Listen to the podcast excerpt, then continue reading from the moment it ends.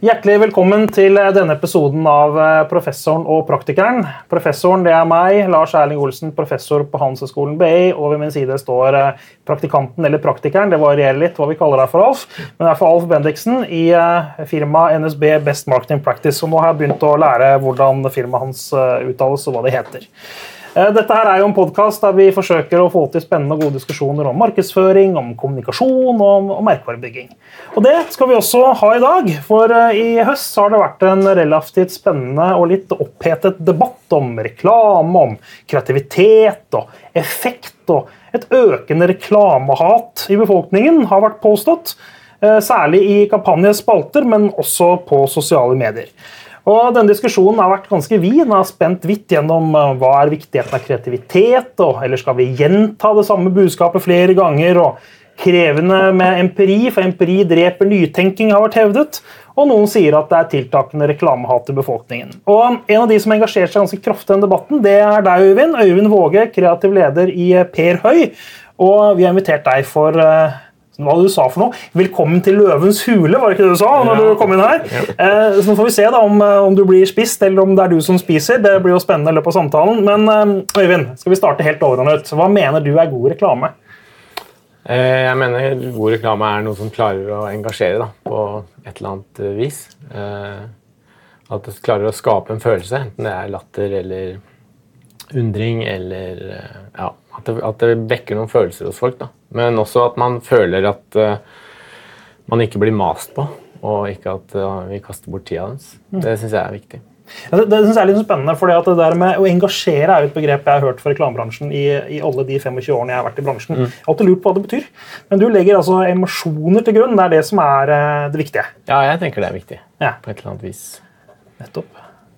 Hva, hva, er konsekvensen når vi ikke får til engasjementet? Hva, hva skjer da? Eh, nei, Det er litt det den debatten har gått ut på, at det blir mer sånn støy for folk. Mm. Og vi får større og større avstand til de vi prøver å snakke til. Tror jeg, i hvert fall. Mm. Og når det blir mer og mer gjengs blant uh, mannen i gata at uh, reklame er et nødvendig onde, da, mm.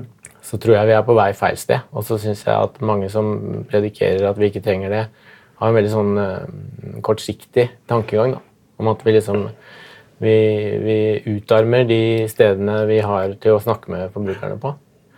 Må at folk blir mer og mer en sånn katt og mus-lek. At vi jager etter dem, og de ikke vil ha noe med oss å gjøre. Det tror jeg tror jeg er litt kortsiktig. Så det er Tom og Jerry-effekten? Ja. ja. Men altså, jeg, jeg, er jo da en sånn handelshøyskoleprofessor som du ikke liker. Jeg har jo skrevet det i en kampanjespalte. Jeg kan ingenting med reklame, ifølge deg. Men støy ja, det Nei, det var, okay, det var, jeg dro den litt langt. det var ikke helt det du sa. Men du, ja, nok om det. Men, eh, men eh, støy, altså, støy virker jo. Er ikke det greit, da?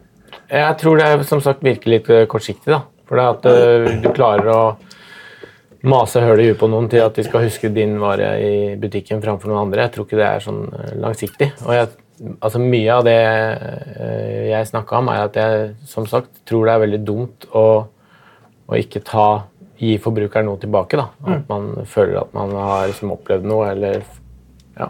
Dette er det Alf eh, predikerer. da. Alf snakker jo hele tiden om mental tilgjengelighet og fysisk tilgjengelighet. og er jo sånn en berbass disippel, og da Er jo det, er ikke det bare bra, da? Altså Støy virker, vi er husker i butikken. Må det vel? Jeg mener ikke at støy er bra. Mener du ikke det? Nei, nei, nei. Altså, Kreativitet er helt nødvendig.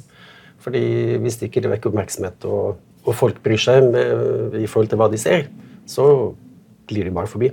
Uh, da jeg var liten og var på kino, så var det jo, da var det jo, gikk vi nesten for å se på reklame. Jeg husker fortsatt Freia melkesjokolade med Wenche Myhre. Og, så denne, denne, kan man jo si var ganske minneverdig, da. At jeg husker den etter så mange år. Men, um, men, det er jo ikke slik at fordi man mener at reklamen skal inneholde sånne, sånne elementer, så tror man ikke at den skal også være kreativ. Og det syns jeg er noe av det som er synd i debatten. at fordi man holder fast ved at kreativitet er et virkemiddel Målet er jo det du formidler, og det inntrykket du skaper av merkevaren.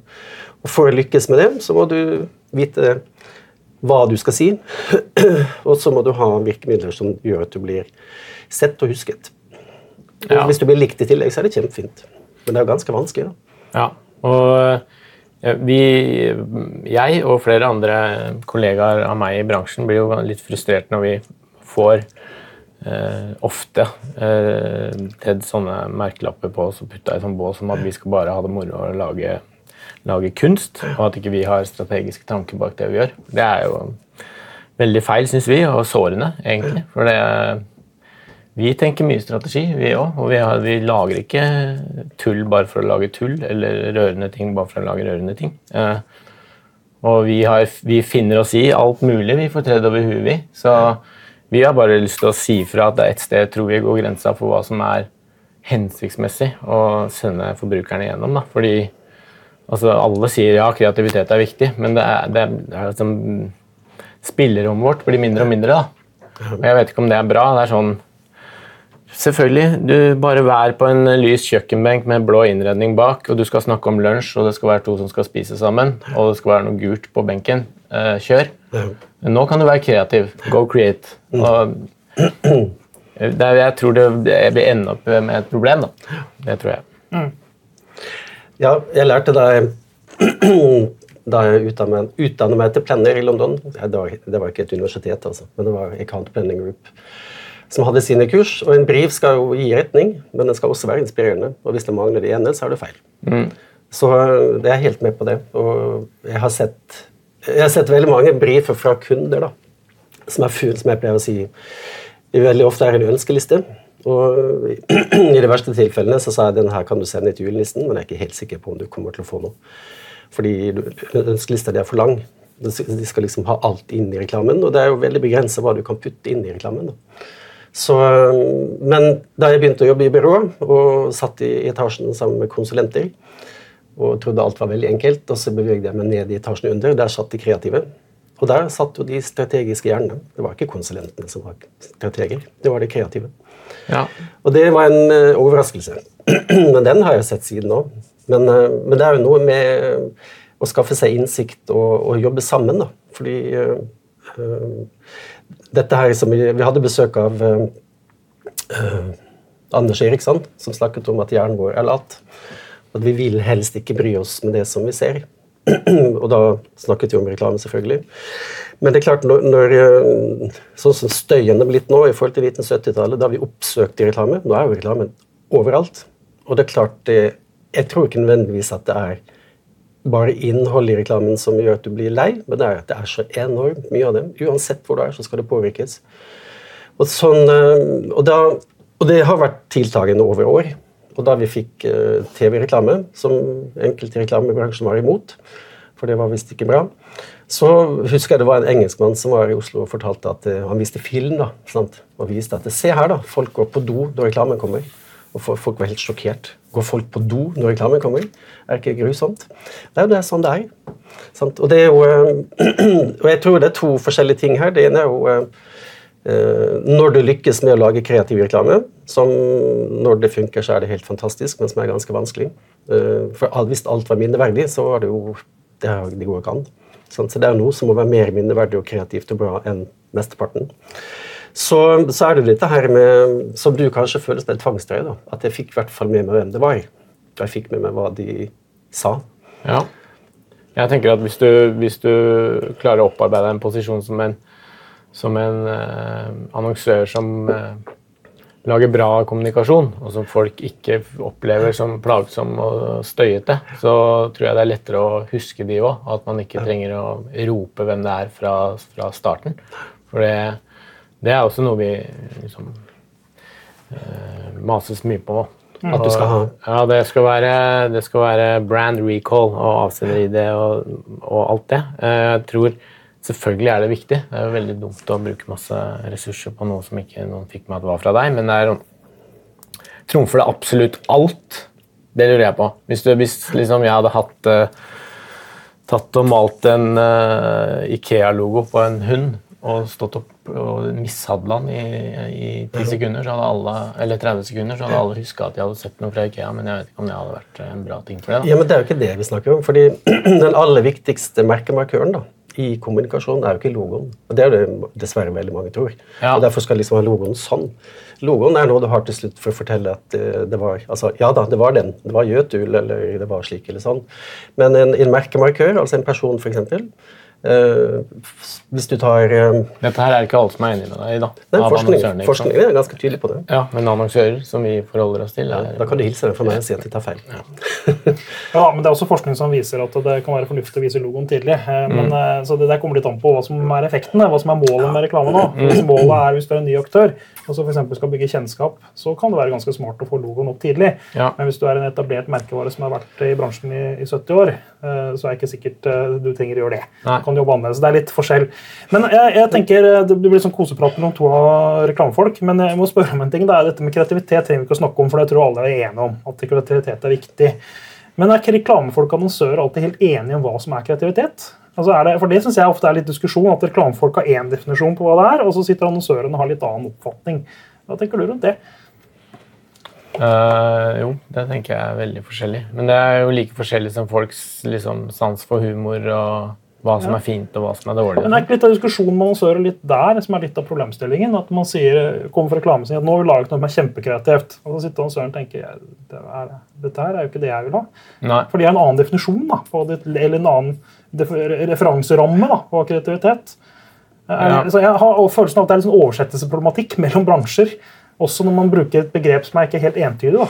Ja, det, det er jeg helt enig i, og det begrepet er jo ekstremt ullent. Og at kreatører blir kalt kreative og sånn, er jo litt sånn uh, flaut noen ganger. For det er jo ikke alltid de er det. Men, uh, Så det, er ikke, men det er ikke alltid businessfolk ikke er kreative heller. Nei, så det kommer helt an på. Absolutt. Ja. Så, men jeg tenker at det er det jeg sa i begynnelsen. At, eh, at uh, vi må jo ha tro på at vi kan noe som markedsavdelingfolka ikke kan, og vice versa. ikke sant? Ja.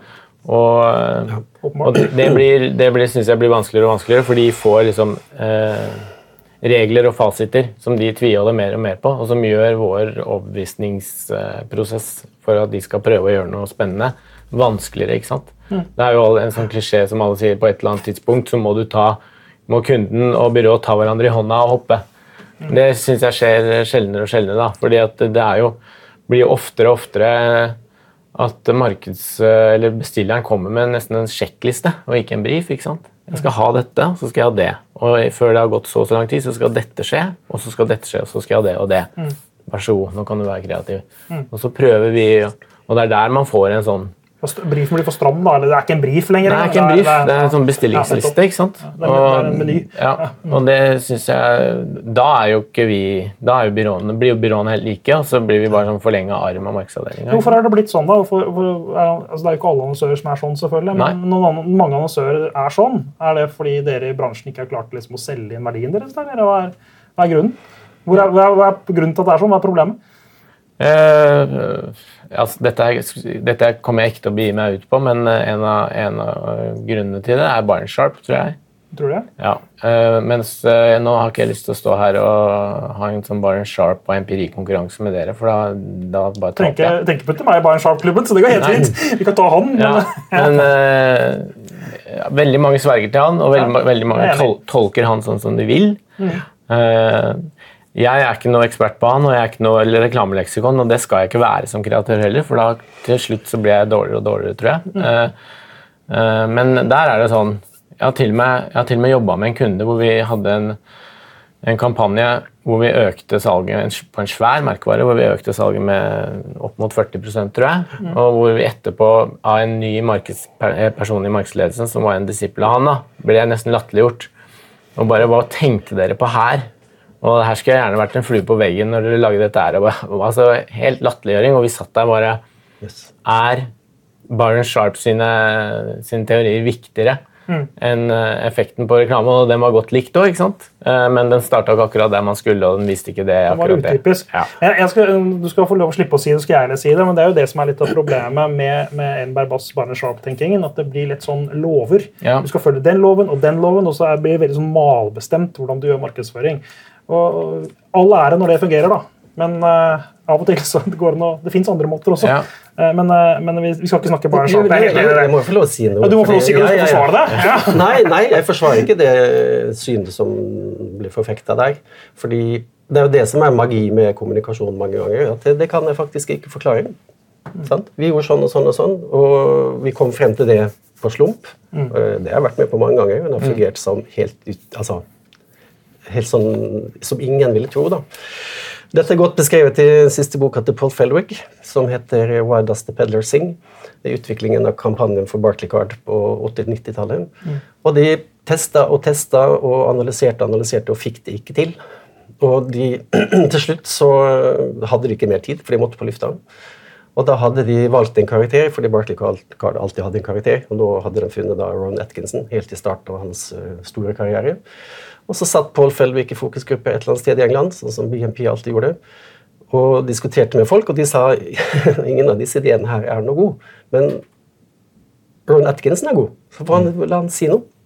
Og så sa han noe, og så ble det en fantastisk kampanje. Og han kan ikke forklare hva som skjedde. Men der tror jeg vi, vi er veldig enige. for Jeg tror du kanskje var enig også. Jeg, jeg pleier alltid å starte enhver sånn introkurs i markedsføring med å snakke om the art and science of marketing, for det er det det er. Altså det, er det er det som er så spennende med fagfeltet vårt, at det er faktisk både vitenskap og kunst. Og kunst er ikke alltid like lett å liksom lage regler for. Men, Men jo, jeg må si det, vi har kommet til poenget mitt. da. Ja, du hadde poeng, da. Ja, jeg har poenget, poeng, og det er jo at jeg Eh, det som jeg liker med Emberg Bass Institute, det er jo dette med å bygge mental tilgjengelighet. Og det å bruke distinktive merkemarkører. Og en av de viktigste merkemarkørene er lyd, musikk og en karakter. Logoen er faktisk nesten minst viktig for kommunikasjon. Og de da som forfekter at du kan ha oppskrifter for hvordan du lager reklame, de vil jeg påstå har misforstått uh, Amber Bass Institute. Ja. Det tror jeg faktisk du har rett i. Men, men, problemet er at det er nok en del som faktisk uh, har misforstått. Men likevel hevder med bravur at dette er det Barn Sharp sier. Men la, la oss slippe litt Barn Sharp, for det er ikke Barn Sharp-episode, dette her. Skal, det kan vi ha en annen gang. Men jeg har lyst til å spørre om noe helt annet. eller Det er litt i samme krets. for Du var inne på dette med kreativitet, dette med brifer. Så lurer jeg på en ting. Er medieutvikling også litt skyld i dette? Altså det at vi har fått mer altså digital reklame, eh, den, mer reels, den type ting, eh, som gjør at det er vanskelig liksom, å lage den, den, kreative ideen. Er det liksom eh, ja, Jeg skal ikke legge ordene i munnen på deg, men er det noe der? Også i dette her? Ja, selvfølgelig. Det var det du sa om at det er så mange steder nå. ikke sant? Mm. Og at man må kjempe hardere for å stå ut og bli huska. Men da syns jeg det vi driver med, altså det kreatørene bidrar med, er enda viktigere. tenker jeg da. Men mm. vi får jo stadig mer oppskrifter og fasiter tredje over huet der òg. Ja, for jeg tenker du skal Alt skal inn i Google Analytics, du skal ha liksom disse ja, ja. performance-målene. og Da blir det jo veldig sånn, og så må vi ha tre sekunder på det. og så...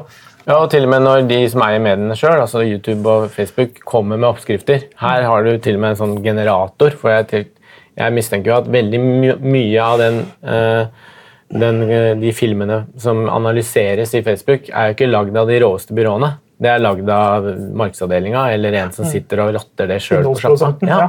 Mm. Og da syns jeg det er urettferdig da, at du, at du liksom sammenligner, eh, sammenligner uh, topp, toppfolka med de som sitter og lager mm. det. Og da hvis vi må lage filmer på deres premisser, da, så selvfølgelig blir det dårligere og likere, og folk kommer til å har mindre lyst til å se det. Og der er det en sånn ond sirkel òg. Det er jo litt fordi jeg kom på den der eh, klimasammenligninga. Som jo alle sier at vi, jo, jo, lenger vi venter med å skjerpe oss, jo vanskeligere blir det å vinne tilbake mm. folka. Det tror jeg òg, da. Mm. Jo mer vi holder på å plage folk, så blir det mer sånn da, Til slutt så har du jo null tro på at du kan se noe kult. Ikke sant? Det tror jeg det, det, ja. Så det er derfor jeg tenker vi burde mm. ta grep kjapt, da. Ja. Er du pessimist, eller tenker du at den reklamebransjen er på vei utfor stupet? Ja, ja, det, er, det blir litt sånn på dagsformen, kanskje, og på akkurat brifen jeg jobber med på tidspunktet. Men det som jeg syns eh, folk som dere skal tenke på, er at eh, de fleste kreatører er liksom ikke taleføre reklameleksikon. De er ofte sjenerte, innadvendte, eh, usikre, søkende frynsete folk da, som ikke orker å stå her, men som uh, føler seg stadig mindre satt pris på og mer marginalisert, og, og som bare ja, som blir lei. da. At ikke litt flere snakker ut, det syns jeg er dårlig. At det er veldig mange folk som sitter stille i båten, selv i de største båtene. Ja, det er mange. Men er det, men er det altså, Takk det personlig, men er det meg og Off sin feil? eller er det, de, altså, det ikke, Han og meg er jo stor annonsør, er det, eller er det annonsørene som skyld at de liksom ikke tør, eller? Ja, ja, selvfølgelig. Det er annonsørene sin skyld, og det er uh, farsotter sin skyld. Mm. Uh, hvor det er litt av det jeg skrev i den artikkelen. at Jeg har kjempeforståelse for at folk vil eliminere den usikre delen i, når de skal forvalte masse penger og en svær mm. merkevare. Det er jo dødslett mm. å forstå. Men eh, på et eller annet nivå så må man ta en sjanse hvis man ikke har ubegrensa med penger. da. Eh, og, og ja, så det Du er, fremstår litt i artikkelen, i en artikkel du skrev som sånn antiempirist. da. Jeg vil ikke ha kunnskap. ja, og det ble jeg litt sånn sur for òg, for det var det jeg prøvde å presisere i nummer to. da. Ja. At eh, Jeg sa ikke at vi ikke skal ha empiri, jeg sa at vi ikke skal kun ha empiri. Altså, jeg, har kjempe, eh, jeg har en kjempeflink planner. Og jeg har flinke rådgivere rundt meg som gir meg innsikt, og uten dem så hadde jo jobben min vært umulig.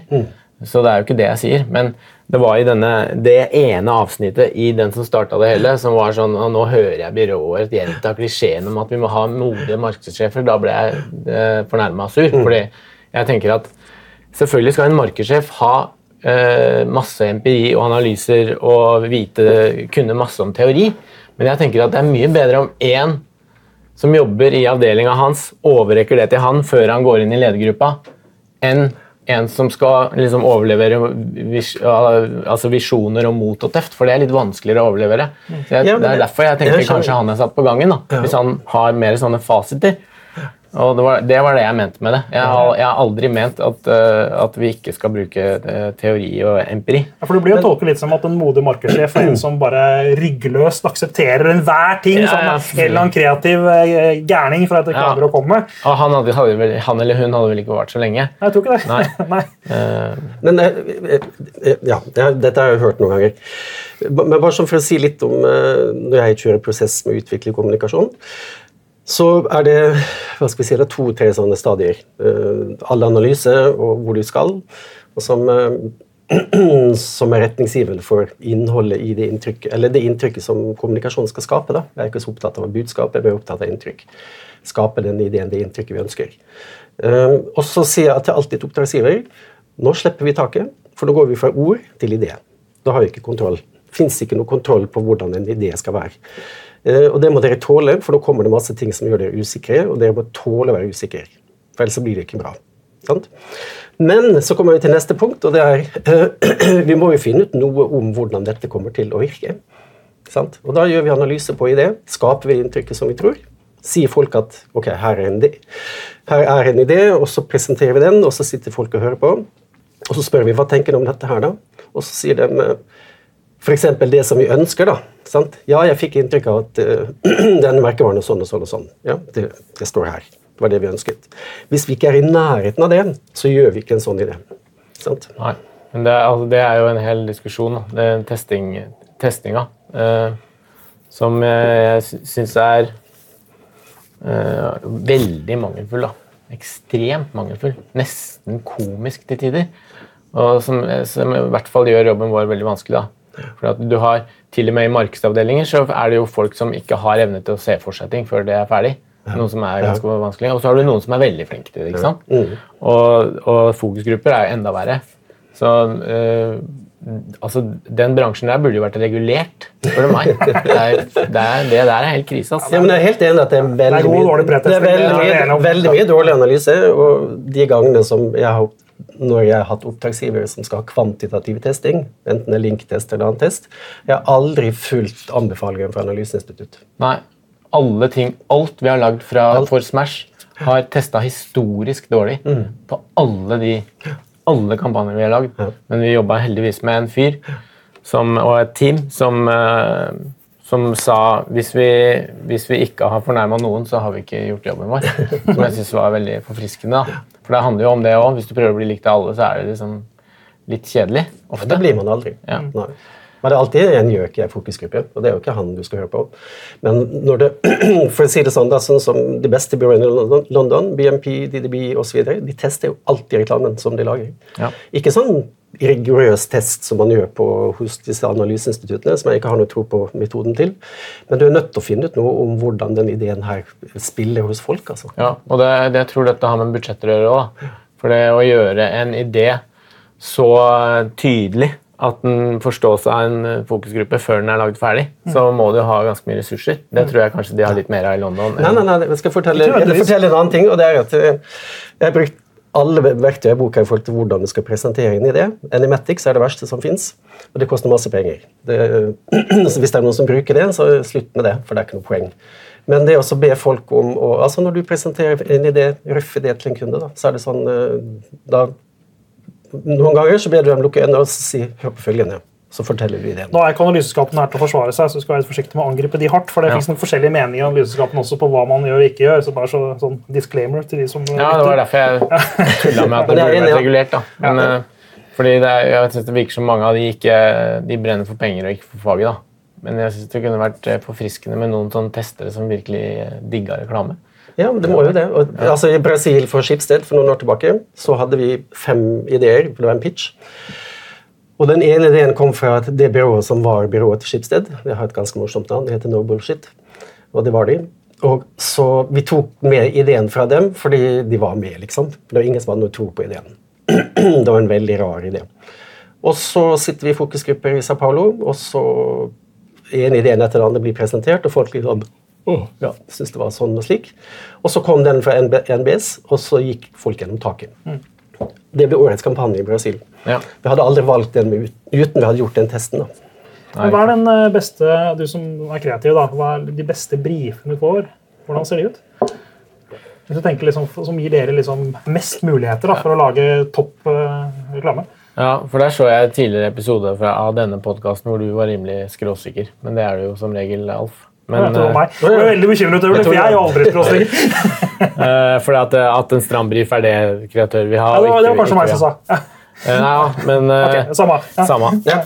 Da jeg begynte i bransjen, så var det to skoler da, av de liksom, stjernekreatørene. Hvor de ene var veldig tydelig på at jeg orker ikke Jeg bare gir meg en, gir meg en bra brief, jeg skal lage bra reklame. Mens det andre, på andre sida så var det de som skrøt av hvor tidlig i prosessen de hadde kommet inn. Altså Vi drev og kødda med at de kom inn før markedssjefen var født. og sånn. Men, men det var liksom ikke måte på. Det var helt på produktutvikling, og det synes jeg så jeg syns ikke det er sånn helt hogd i stein. Det kan være litt forskjellig. Eh, men eh, man, selvfølgelig merker man hvis, man hvis brien er for vid, så er det veldig vanskelig å jobbe med. Ja, så det må være litt stram, da. Ja, og det hjelper jo Noen ganger kommer den fra kunden, men det, ofte, veldig ofte så er det jo planner og rådgiver som hjelper oss med det òg. Men en dårlig brief overlater jo til byrået å finne ut hva man skal gjøre. Ja. Og det syns jeg ikke man skal gjøre. Nei. Jeg var kunde av, jeg var kunde av Ogilvy reklamebyrå for eh, 25 år siden. og Da husker jeg at jeg, jeg fikk litt skryt av en, eh, av en eh, kreatør fordi at jeg kom med en brief der det var én en eneste føring i briefen. og Det var at eh, dere skal ta smøret for softfloraen på riktig måte. Ja. Utover det kan dere komme med hva dere vil. det syns jeg var veldig fint, da. Men det var én føring, da. Ja. Vi hadde vår softflora-måte. ikke sant? Men det kan jo hende at folk Man liker jo litt variasjon i, i arbeidsdagen sin òg. Jeg liker ofte å ha to-tre briefer å jobbe på samtidig. Så når du står fast et sted, så kan du.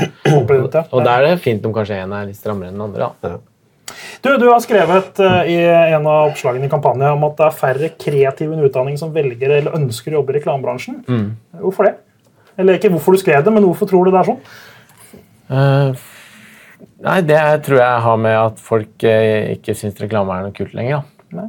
Verken å se på, og da kanskje ikke det blir så, virker så appellerende å jobbe med òg. For det, det er litt eh, Altså, jeg har jo ikke sagt at man skal tilbake til der det var, hvor eh, ikke kreatører blir holdt ansvarlig for noen ting og bare var sånne mystiske rockestjerner. Men, eh, men litt av magien har forsvunnet, da, og derfor også appellen med å som kreativ vil velge Men er ikke det veldig bekymringsfullt da, sånn fremover at uh, ditt byrå for eksempel, skal rekruttere unge håpefulle? Jo, absolutt. Det er jo dritvanskelig. Og det, man merker det jo at det er liksom mer og mer kamp om de flinke i hvert kull, for det er færre. Eh, De får bedre betalt andre steder òg, siden dere har problemer med lønnsomheten nå i byråverden? altså, kreatører går De gode kreatørene går ikke etter penga. Ok, Eh, det gjør de først etter hvor de har skjønt hvor gode de er og blir grådige. Men, eh, Sånn er det. men eh, de, Ja, det tror jeg ikke. Det gjorde i hvert fall ikke vi, og det har jeg ikke inntrykk av de, de nye gjør nå heller. da. Hjelper at eh, Westerdals ble nedlagt en uke her, eller? Ja, det, er, det er krise, altså. Men Hvorfor det? Nei, At de ikke klarer å ivareta den merkevaren der, og ikke, og ikke se verdien av ikke å bare kalle noe Westerdals, men å faktisk utdanne folk på den måten Westerdals skal. Det synes jeg ja, Det fortsetter du med, gjør det ikke det? Det er jo bare navnet som skinner. Ja, det var Da jeg gikk på Westerdals, var det masse bråk om at det skulle få bachelorstatus, Ja, sånn, ja, og da ble det masse krav til pensum og eksamener og sånn. Det Jeg jeg tror ikke det ødela utdannelsen, men det var et sånt første sted, og da drev han Løvenskiold og herja der nede. Mm. Og så var det kanskje starten på noe som endte opp her vi er i dag. da. Nå, skal, nå bør jeg opplyse lytterne om at eh, jeg jobbet på Høgskolen Kristiania og satt i ledelsen da vi kjøpte Westerdals. Ja. Så det caset har jeg litt eh, i, da. Ja. Men jeg er ikke ansvarlig for beslutningen nå. Nei. Det er noen år siden jeg jobbet der. Ja. Yes, uh, Alf. Syns du vi fikk tatt han i dag, eller? Det var ikke noe mål. Var Vi ikke noe mål? Nei, vi sa jo det. Nei, jeg syns vi har hatt en fin prat. Og uh, jeg tror det blir mer nyansert når vi prater sammen enn når vi skriver til hverandre. For det blir så veldig eksplisitt og hardt. Det tror jeg også. Så øh, det har vi jo lært. Eller jeg vet ikke om jeg har lært, men øh, Du har ikke lært det, Alf, men du, men, men du kan tenke på det. Ja, men jeg, jeg har bare lyst Har du hvilepuls, Øyvind? Ja, ja, faktisk. Jeg grua meg litt, men det gikk jo greit. Ja, det går jo greit. Men jeg har lyst til å sitere David Ogilvy, da. Og det så jeg på veggen hos uh, Ogilvy i Dublin da jeg uh, jobba der for noen år siden. Og der sto det Strategi hjelper deg å finne ut hvor du skal, og kreativitet får deg dit. Ja. Det er pent sagt. Det synes jeg var pent sagt. Og det, Med det sitatet så avslutter vi denne episoden av Professoren og praktikeren. Eh, følg med oss på den, eh, den eh, plattformen som passer deg, om det er Kampanje TV, eller om det er Apple sin podkastplattform, eller om det er Spotify. Og vi ses igjen neste uke.